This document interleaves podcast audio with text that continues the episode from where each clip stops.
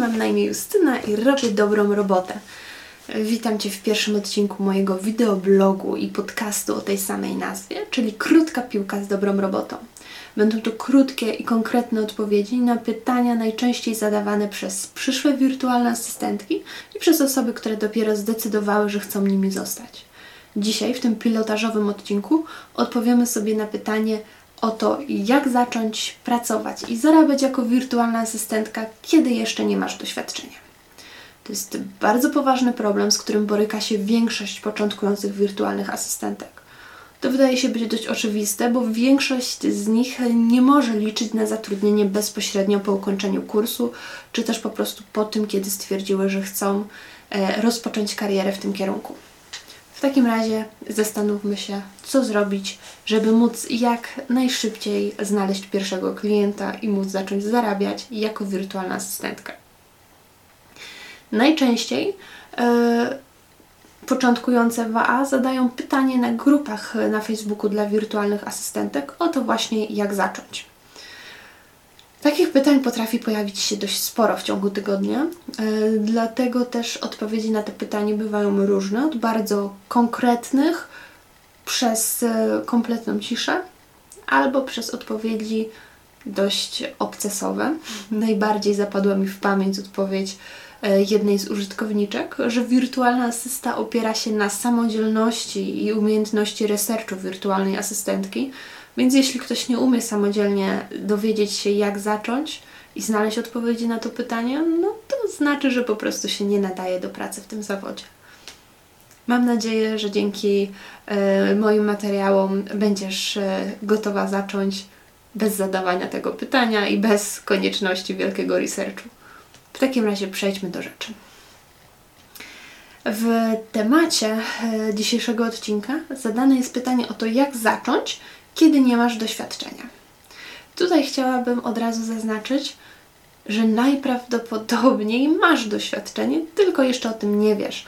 Musisz po prostu je e, dobrze zinterpretować i odpowiednio nazwać. Bo wyobraźmy sobie, jeżeli pracowałaś dotychczas w sklepie, to znaczy, że umiesz obsługiwać klientów, to znaczy, że najprawdopodobniej umiesz wystawiać faktury, e, robić zamówienia, najprawdopodobniej jesteś terminowa, i można na Tobie polegać. A to są już pierwsze cechy, które są e, pożądane w zawodzie wirtualnej asystentki. Podobnie jest, jeżeli na przykład y, pracowałaś w salonie fryzjerskim. Najprawdopodobniej też będziesz wiedziała, jak nawiązać dobry kontakt z klientem jak z nim rozmawiać. Y, będziesz E, miała doświadczenie w prowadzeniu portali rezerwacyjnych, w rozmowach z klientami przez telefon, bo na pewno umawiałaś spotkania albo je odwoływałaś. E, być może masz już też doświadczenie w robieniu zamówień. E, nie wykluczam, że prowadziłaś też już media społecznościowe salonu fryzjerskiego, bo często to właśnie też należy do zadań recepcjonistki. Tutaj też warto zaznaczyć, że na pewno masz już pewną wiedzę, która taką typowo branżowo, branżową wiedzę, którą możesz wykorzystać przy tworzeniu nowych treści. E, na pewno pisanie tekstów na, na stronę czy na właśnie na media społecznościowe dla salonu fryzjerskiego przyjdzie Ci łatwiej niż osobie, która całe życie pracowała w hucie szkła.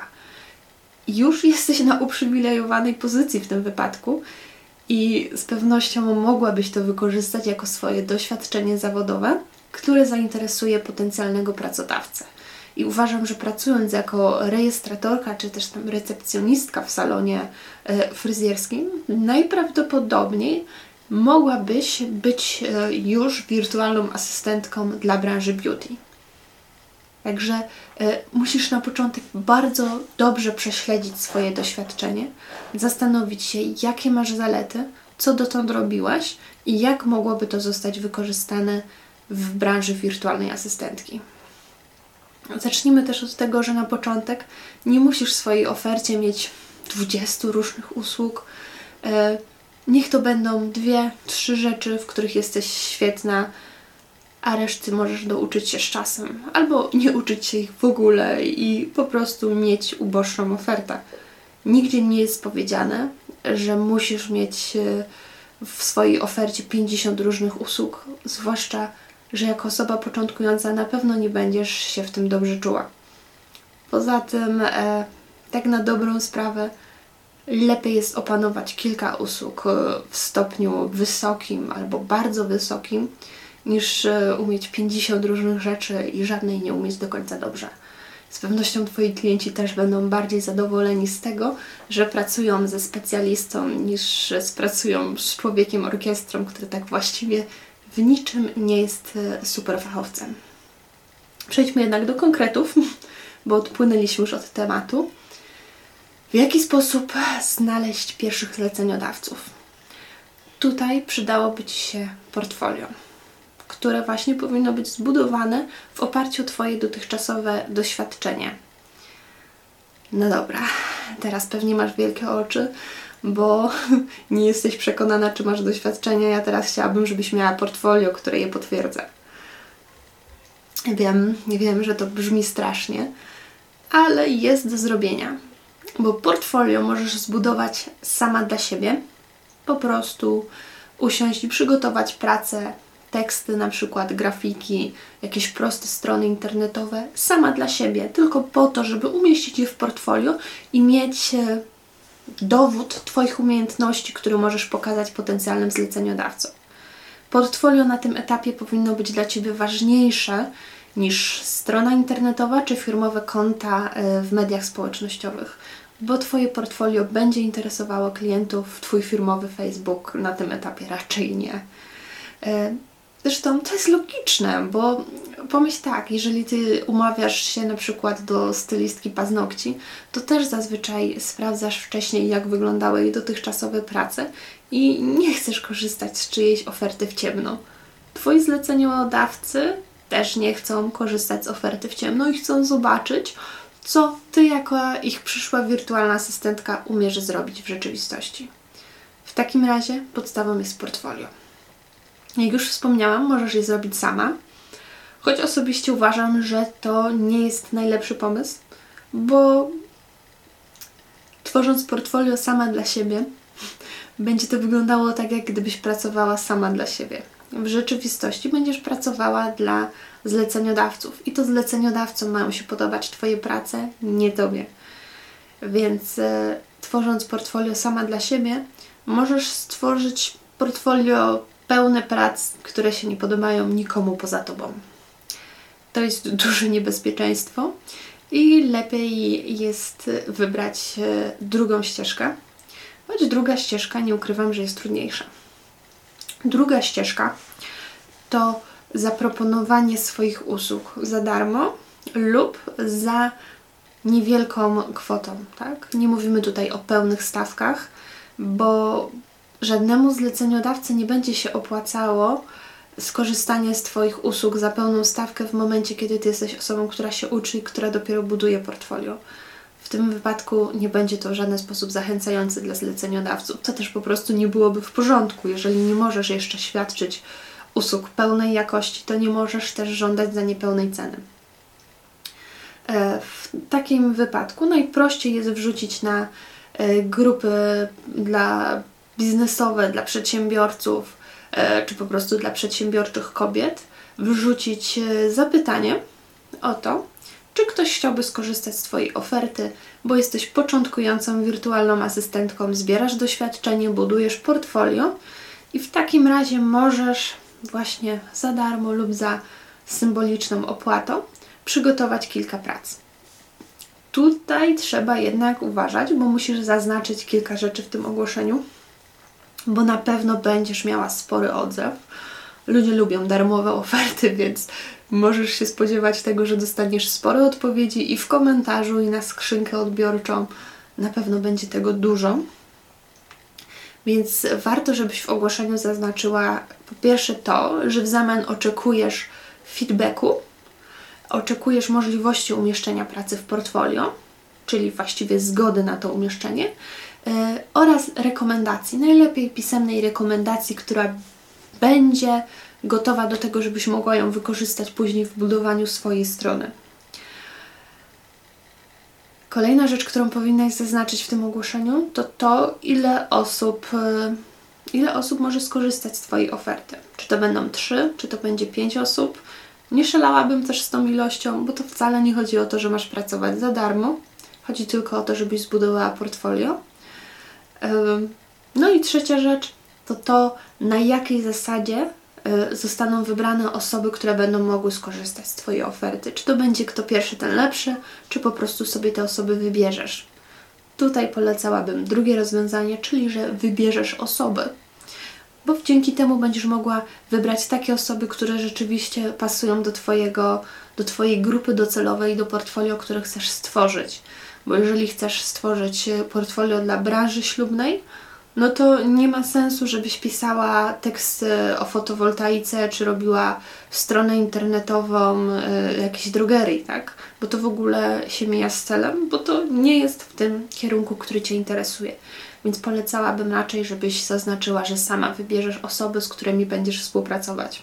Z pewnością takie tworzenie portfolio będzie y, dla Ciebie lepsze i na pewno bardziej rozwijające niż tworzenie dla samego tworzenia, bo będziesz miała już kontakt z żywym człowiekiem, będziesz miała kontakt z potencjalnym klientem, będziesz mogła z nim rozmawiać, będziesz mogła e, przekonać się sama, jak wygląda ustalanie szczegółów z drugim człowiekiem, tak? Bo może się okazać, że praca, która się Tobie podoba, Twojemu klientowi wcale się podobać nie będzie. I ty w takim wypadku musisz się nauczyć, jak reagować. Musisz wiedzieć, czy chcesz w takim razie e, przeprowadzać poprawki, czy może nie chcesz, e, czy chociażby tego, że musisz się nauczyć, jak elegancko wybrnąć z tej sytuacji. Bo obrażenie się jak dziecko, że komuś się nie spodobała Twoja praca, nie jest tutaj absolutnie żadnym wyjściem. Więc im szybciej nauczysz się e, reagować w trudnych sytuacjach, tym lepiej. No i tutaj też jest bardzo dobry aspekt, który powinien Cię z kolei pocieszyć i ucieszyć. To to, że bardzo często tacy y, klienci na darmowe czy bardzo okazyjne usługi zostają na dłużej. Jeżeli będą zadowoleni ze współpracy z Tobą, to taka darmowa próbka może się okazać y, dla nich tym, co przekona ich do współpracy z Tobą na stałe, na dłużej, już wtedy za pieniądze. Tylko tutaj też musisz pamiętać o tym, że nie ma reguły. Może się zdarzyć, że wykonasz trzy próbne prace i e, zakończy się to trzema płatnymi współpracami, a może się też okazać, e, że żadna z nich nie zakończy się współpracą. Może też być zupełnie inaczej i na przykład ci zadowoleni Twoi pierwsi próbkowi klienci będą tak zadowoleni z Twoich usług, że będą polecać Cię dalej. Wprawdzie oni nie wrócą do Ciebie, ale Twoimi klientami staną się ich znajomi. To jest y, bardzo ważny test Twoich pierwszych umiejętności i tego, czy w ogóle nadajesz się do zawodu, czy to Ci się podoba i czy dobrze się czujesz e, pracując z ludźmi e, w ten sposób. Jest jeszcze trzecia opcja rozpoczęcia pracy w zawodzie, która jest najrzadziej obecnie spotykana. Jest to pewien rodzaj stażu doświadczonej już wirtualnej asystentki. Oczywiście najczęściej nie jest typowy staż, tylko nadal współpraca w oparciu o wystawienie faktury przez, przez tą początkującą asystentkę. E, tylko tutaj też najczęściej, w, najczęściej e, ta początkująca wirtualna asystentka oczywiście pracuje na niższych stawkach z racji tego, że jest osobą, która się uczy. No i to jest też logiczne, bo zazwyczaj y, staż jest gorzej płatny niż normalny etat. Nie ma się tutaj y, co dziwić. Ale znalezienie doświadczonej wirtualnej asystentki, która rzeczywiście chce przyuczyć kogoś do zawodu, która ma na to czas i umiejętności i wystarczająco dużo cierpliwości, jest dość trudne. Najlepiej to wychodzi w momencie, kiedy masz już, masz już wśród swoich znajomych lub krewnych doświadczoną wirtualną asystentkę i ona przyjmie Cię na staż do siebie. Nie jest to oczywiście jedyna opcja, bo czasami zdarzają się takie ogłoszenia. E, nie są one może zbyt częste, ale czasami się zdarzają i być może będziesz miała szczęście akurat takie, że znajdziesz e, ofertę odpowiednią dla siebie i w odpowiednim czasie i być może będziesz mogła z niej skorzystać. To jest też bardzo fajna opcja, bo dzięki temu możesz e, się rozwijać na początku swojego zawodu pod okiem kogoś doświadczonego, pod okiem kogoś, kto już doskonale wie, co robić, żeby utrzymać się na rynku. W takim razie podsumujmy, mamy trzy podstawowe trzy podstawowe y, sposoby na rozpoczęcie pracy jako wirtualna asystentka bez y, żadnego doświadczenia. I są to zbudowanie portfolio dla siebie, y, przez siebie i dla siebie, po to, żeby rozsyłać je w rekrutacjach. To jest zaproponowanie współpracy na korzystnych warunkach lub też darmowej współpracy dla wybranych osób dzięki którym zbudujesz swoje portfolio. I trzecia opcja to staż u doświadczonej już wirtualnej asystentki. W dzisiejszym odcinku to by było na tyle. W następnym porozmawiamy o błędach, jakich nie popełniają profesjonalne wirtualne asystentki. To by było na tyle. Dzięki, że byłaś ze mną do końca i do usłyszenia.